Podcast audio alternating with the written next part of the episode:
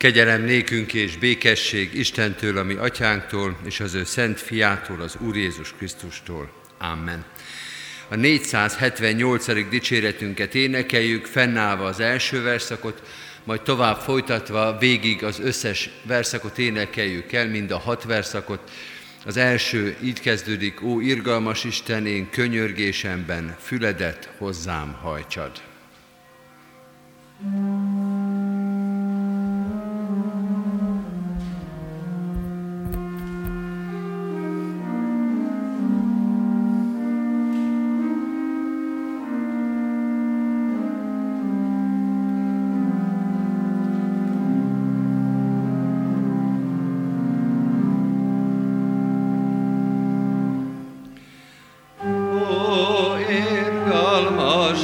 után én könyörgésemben füledet hozzám hajtsad.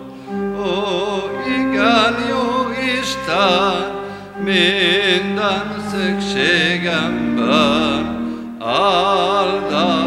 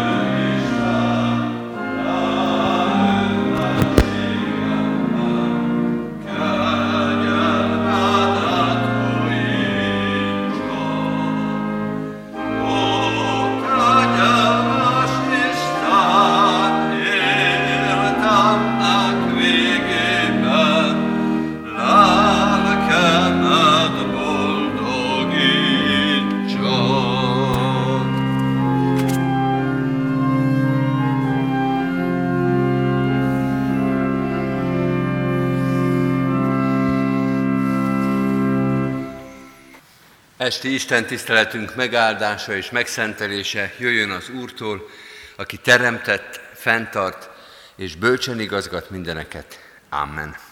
Hajtsuk meg a fejünket és imádkozzunk. Mennyei atyán, köszönjük neked ezt a csendes délutáni órát, amikor itt lehetünk és rád figyelhetünk. A világ sokszor zajos körülöttünk, és sokszor zajos a szívünk is, az agyunk is, a gondolataink, annyi minden dörömből bennünk, és annyi mindenre kellene választ adni, megoldani, annyi mindenbe kellene dönteni. Segíts nekünk, hogy legyen egy-egy fél óra, amikor rád figyelhetünk, amikor semmi más nem fontos, csak a te jelenléted, a te szavad, a veled való közösség, a hozzád szóló imádság, az ige hirdetés, az ige hallgatása. Segíts nekünk ebben, és mutasd meg, hogy megengedhetjük magunknak azt a luxust, hogy a világ rohanó forgatagában mi újra-újra leálljunk és csak rád figyeljünk. Bocsáss meg, hogy oly sokszor elfeledkeztünk erről. Oly sokszor volt fontosabb bármi, ami körülöttünk van, vagy ami bennünk van, fontosabb, mint a Te igéd és jelenléted. Olyan sokszor hagytuk üresen és kihasználatlanul a veled való találkozás áldott pillanatait. Olyan sokszor nem becsültük azt, hogy hozzád jöhetünk, hogy szólhatunk hozzád, hanem a saját gondolataink vagy mások bölcsessége, ereje megtévesztett bennünket. Leteszünk most mindent eléd, ami méltatlan volt, ami lázadás, ami hűtlenség, ami ügyetlenkedés volt. Leteszünk most eléd mindent, bocsásd meg a védkeinket, bocsásd meg a töredezett hitünket, a szétporló reményeket, bocsásd meg, hogy reménytelenséggel és csüggedéssel védkeztünk ellened. Emelj most fel minket, hogy a reményünk, a hitünk, a bizalmunk megerősödjön, rá tudjunk tekinteni, hozzá tudjunk imádkozni, és az imádság és a veled való közösség megerősítsen minket a holnap, holnap után szolgálataira. Így adjuk most át ezt a mai napunkat, de egész életünket is Krisztusért, ami Urunkért. Amen. Kedves testvérek, Isten igéjét Lukács evangéliumának a 11. részéből olvasom. A 11. rész első négy versét a következőképpen. Történt egyszer, hogy valahol imádkozott, és amikor befejezte, így szólt hozzá egyik tanítványa, Uram, taníts minket imádkozni, mint ahogy János is tanította a tanítványait. Ő pedig ezt mondta nekik, amikor imádkoztok, ezt mondjátok, Atyánk, szenteltessék meg a Te neved, jöjjön el a Te országod, ami mindennapi kenyerünket ad meg nekünk naponként, és bocsásd meg a mi védkeinket, mert mi is megbocsátunk minden ellenünk védkezőnek, és ne vigy minket kísértésbe. Uram, taníts minket imádkozni, mint ahogy János is tanította a tanítványait. Foglaljuk el a helyünket. Kedves testvérek, ez az ige, amely már a holnapi új szövetségi igének az első harmada, ugyanaz a tanítás, ugyanaz az élethelyzet, amit Máté evangéliumában, a hegyi beszédben találunk. Jézus megtanítja, vagy tanítja az övéit imádkozni, és ennek a tanításnak a során elhangzik egy imádság, egy imádság forma, egy imádság minta, ahogy és amire tanítja őket, ez az, amit mi mi atyánknak, vagy úri imádságnak nevezünk, és mint jó tanítványok minden liturgikus alkalmunkon Isten tiszteleteken, ájtatokon mindig el is mondjuk, most is elfogjuk, sőt el is fogjuk énekelni, mert ennek kapcsán, vagy ezt a gondolatot erősítendő, az énekes könyvünk is tartalmazza két feldolgozásban is a mi atyánk imádságát, és az egyik énekünk, amelyet majd fogunk énekelni, a 484. ének ennek felel majd meg. A tanítványok kérdezik tulajdonképpen Jézust, imádságát, Jézus imádságát halva, az egyik tanítvány kéri a megismételten felolvasott mondatban is, Uram, taníts minket imádkozni. És erre a tanítási kérésre szólal meg Jézus, nem itt és nem egyedül ezen a helyen, tanítja az övéit imádkozni. Tanítja arra, hogy milyen a helyes imádság, hogy hogyan imádkozzanak, és ez a minta is a maga egyszerűségében, a fő területeiben is egy erős tanítás a tanítványoknak, hogy hogyan és mint képzelje el Jézus a helyes imádságot, hogyan kell ügyesen, hogyan kell helyesen, hogyan kell jó arányban imádkozni, és hát fordítva, másik tanításában azt látjuk, hogy melyik az az imádság, amelyik nem jó, amelynek rossz az aránya, rossz a, a célja, rosszul van valahogy megfogalmazva. Azért érdekes ez, vagy abban a szempontból mindenképpen érdekes, hogy van egy szép Zsoltárunk, a 139. Zsoltár, szoktuk is idézni, ott azt olvassuk, hogy Dávid azt mondja, hogy még nyelvemen sincs a szó, te már ismered azt, Uram. Tehát van egy olyan tanítás a Szentírásban, hogy az imádságunk minőségétől, pontosságától, formájától függetlenül bízhatunk abban, hogy az Úristen tudja, hogy mire van szükségünk, tudja, hogy mi van a szívünkbe. Még nem fogalmaztuk meg az imádságot, még nem derült ki, hogy az egy ügyes vagy ügyetlen, helyes vagy helytelen imádság lesz-e, hogy megfelelünk-e Jézus mintájának, még el sem lehet dönteni, hiszen még meg sem született az imádság, és az Úristen már tudja, hogy miről van szó. A két dolog, mintha ellentétben lenne egymással. Ha az Úristen mindenképpen tudja, még kimondás előtt, hogy mi van a szívünkben, miért fontos akkor ez a tanítás, amely Jézus tanítói szolgáltában újra és újra előjön, a helyes imádság. Hát persze nem olyan nagy az ellentét és a feszültség, mint ahogy az első hallás hallatszik, egyszerűen csak az irányokat kell elhelyezni. Ha Isten felől nézzük az imádságot, akkor mindegy, hogy milyen szintű az imádság, mert ő érteni fogja.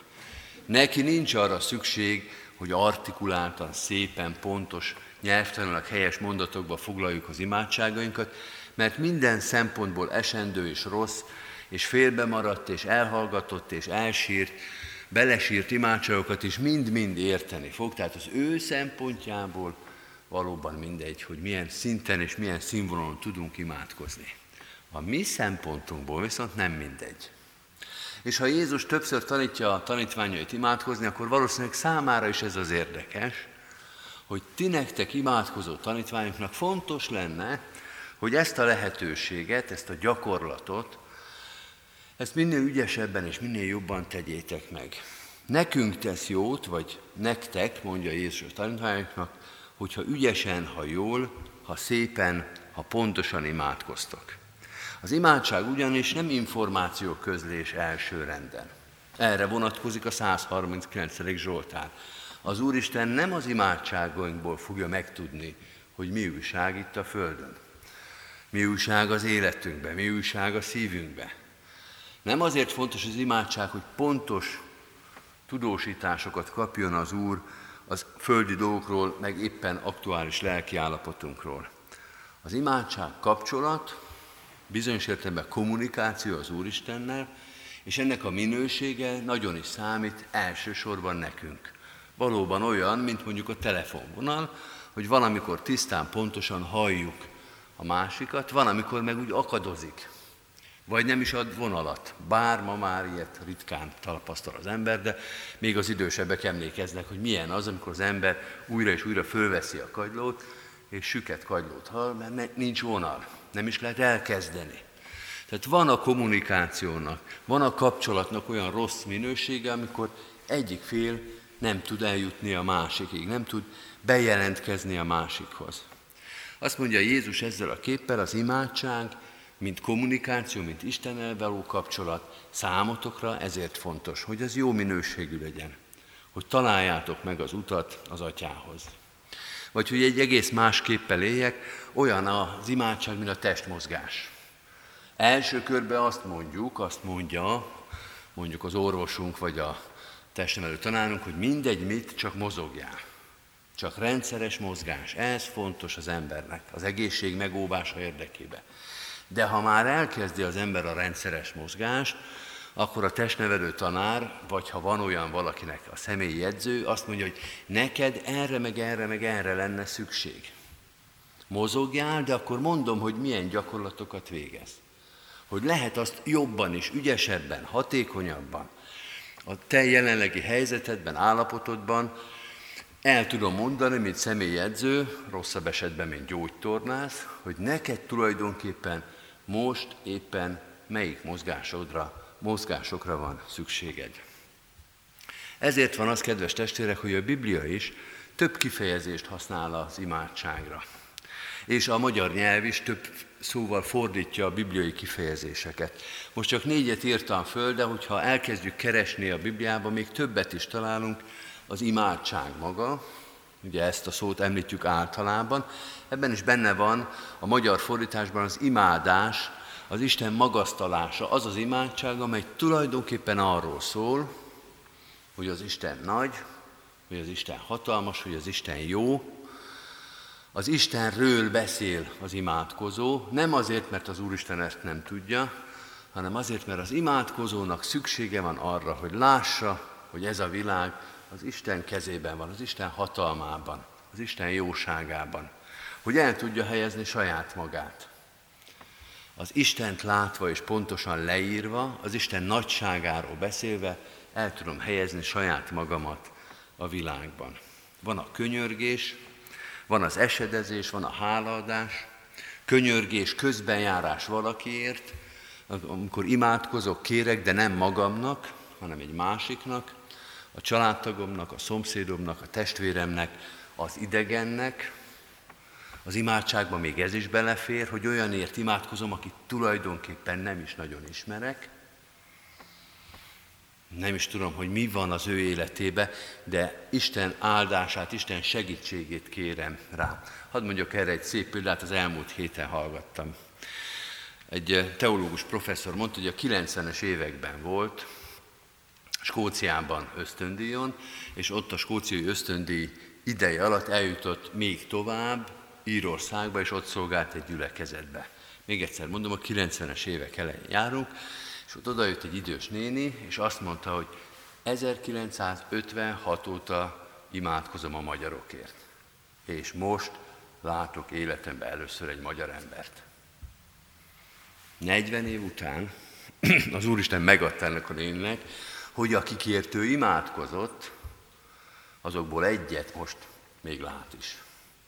Nem volt szüksége ennek az idős asszonynak ahhoz, hogy személyesen ismerje a magyarokat, 56, a történelmi trauma, az irántunk való szeretete és szolidaritása rendszeres imádságra készítette, a, készítette anélkül, hogy személyesen az adott nép gyermekei közül egyet is ismert volna.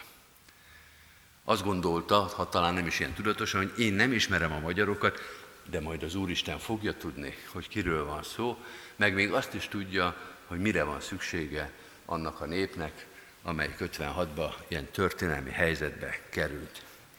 Könyörgés a másikért, a szeretteinkért vagy az idegenekért, ez is a bibliai imádságnak az egyik nagy területe. Vagy az esedezés, mondjuk nevezzük így, amikor a saját kínunkban, a saját szükségünkben megyünk az Úr elé, amikor nem tudunk ötről hatra mozdulni. És amikor azt gondoljuk, egyébként ha tovább olvasnánk az igét, akkor itt lenne leírva, hogy kérjetek és adatik, könyörögjetek, zörgessetek, és az Úristen meghallgat titeket. Hogy nem taszít el minket az Úristen, hogy meghallgatja az imádságunkat. Vagy még egy kifejezést említettem, a hálaadást, a köszönet, az imádságnak a köszönő formája, amikor kérünk, könyörgünk, esedezünk valamiért, akkor utána jár egy másik imádság is, a hálaadás azért, amit megadott az Úristen.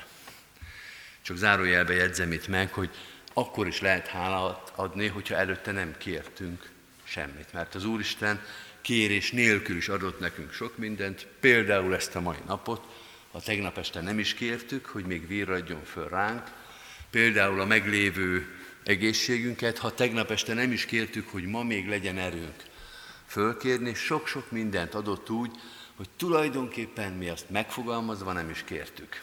De ha már itt szóba kerül az Úr előtt, akkor elmondhatjuk neki, hogy bár nem kértük, de hálásak vagyunk azért, hogy megadta nekünk. Hosszan-hosszan lehetne osztogatni, hogy az imádság mennyi mindent jelent. Én most inkább arra hívnám föl a figyelmet, hogy Jézusnak ez a tanítása, hogy tanít minket imádkozni, az azt a kérdést is fölveti, hogy neked kell tudni eldönteni, vagy bele kell abba gondolni, hogy mire van szükséged. És hogy ezekben az imádság fajtákban is gyakorold magad, ne csak egyféleképpen, ne csak mindig kérjél, kérjél, kérjél, kérjél másnak is, magasztald az Urat, adj hálát neki a megkapott javakért, legyen minden imádkozó izmot kifejlesztve és egyenletesen gyakorolva. Jézus ezzel azt mondja, legyen az egész életed, életedet betöltő, kitöltő tevékenység az imádság. Egy másik helyen azt mondja, hogy szüntelenül imádkozzatok, amivel nem azt jelent, talán nem azt gondolja, hogy állandóan imádságnak kell a szánkba lenni, hanem hogy minden élethelyzetben, minden szituációban, minden fajtájában gyakoroljuk magunkat. Ahogy például a fiatalok kommunikálnak egymással. Nem úgy van hanem az, hogy egy-egy karácsonyra évente egyszer küldenek egymásnak, hanem látjuk, öt percente tíz üzenet váltakozik egymással. Ez lehet persze idegesítő, főleg tanóra alatt, vagy amikor éppen beszélnénk hozzájuk, de van egy gyakorlata annak, hogy a kommunikáció az lehet nagyon szoros. Lehet teljesen napra kész. Lehet egy nap többször is. Egy délelőttön belül többször is. És az Úristen azt mondja, én kész vagyok veled folyamatosan kapcsolatba, tart, kapcsolatban lenni.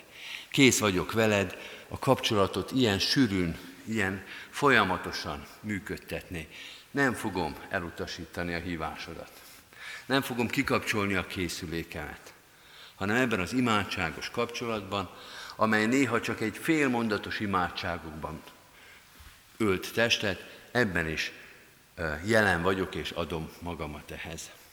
Jézus tanítja a tanítványait imádkozni, mert azt látja, hogy erre a tanítványoknak nagy szüksége van. És ez a helyzet nem változott a mai napig sem. Tanítson minket is, ez az ige is, meg az a sok imádságról szóló ige, amelyet a Szentírásban újra és újra megtalálunk. Amen. Hajtsuk meg a fejünket és imádkozzunk. Mennyei atyán, köszönjük, hogy arra is gondod van, amit azt gondolunk, hogy olyan természetesen és jól megy, vagy tudjuk is, hogy miről van szó, átlátjuk az egészet, és valóban így is van. Köszönjük azt a gyakorlatot, azt a sok tapasztalatot, amit az imádságon keresztül már megtanultunk. Köszönjük, hogy újra és újra imádkozhattunk, és imádkozhatunk hozzád.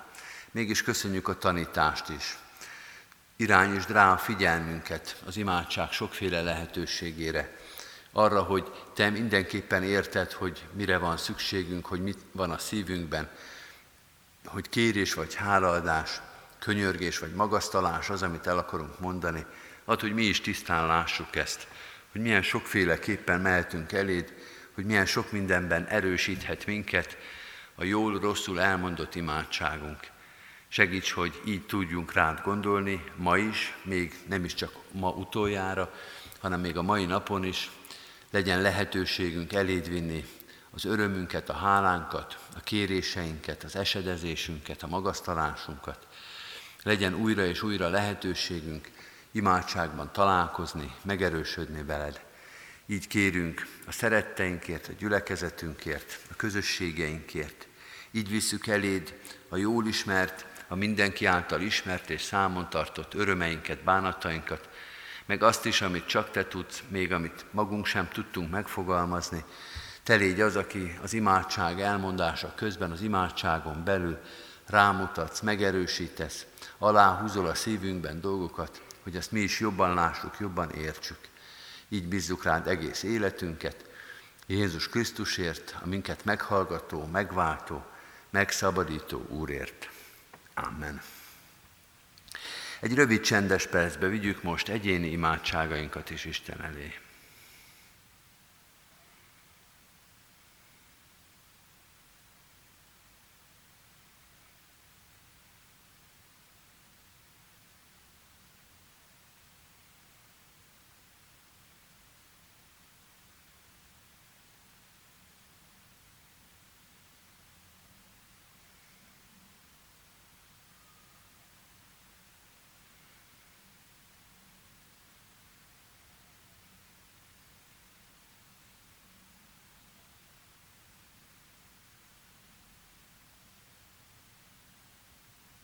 Amen. Az Úrtól tanult imádságot fennállva és együtt mondjuk el. Mi, Atyánk, aki a mennyekben vagy, szenteltessék meg a Te neved. Jöjjön el a Te országod, legyen meg a Te akaratod, amint a mennyben, úgy a földön is. Mindennapi kenyerünket add meg nékünk ma, és bocsásd meg védkeinket, miképpen mi is megbocsátunk az ellenünk védkezőknek. És ne vigy minket kísértésbe, de szabadíts meg a gonosztól, mert tiéd az ország, a hatalom és a dicsőség mind örökké. Amen. Mindezek után az Úr Jézus Krisztusnak kegyelme, Istennek, ami atyánknak szeretete, és a Szentlélek Isten közössége legyen, és maradjon minnyájunkkal. Amen. Foglaljuk el a helyünket, kedves testvérek, és hallgassuk meg a hirdetéseket. A hirdető lapokat a kiáratoknál megtaláljuk, ezen alkalmaink, nyári programjaink is eh, rendszeresen olvashatok időpontokkal együtt.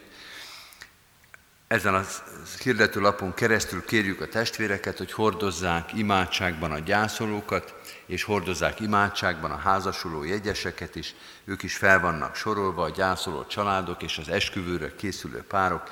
Imádságban hordozzuk, kérjünk vigasztalást a megszomorodott szívűekre, és kérjük a gondviselő Isten áldását a tervezett házasság kötésekre.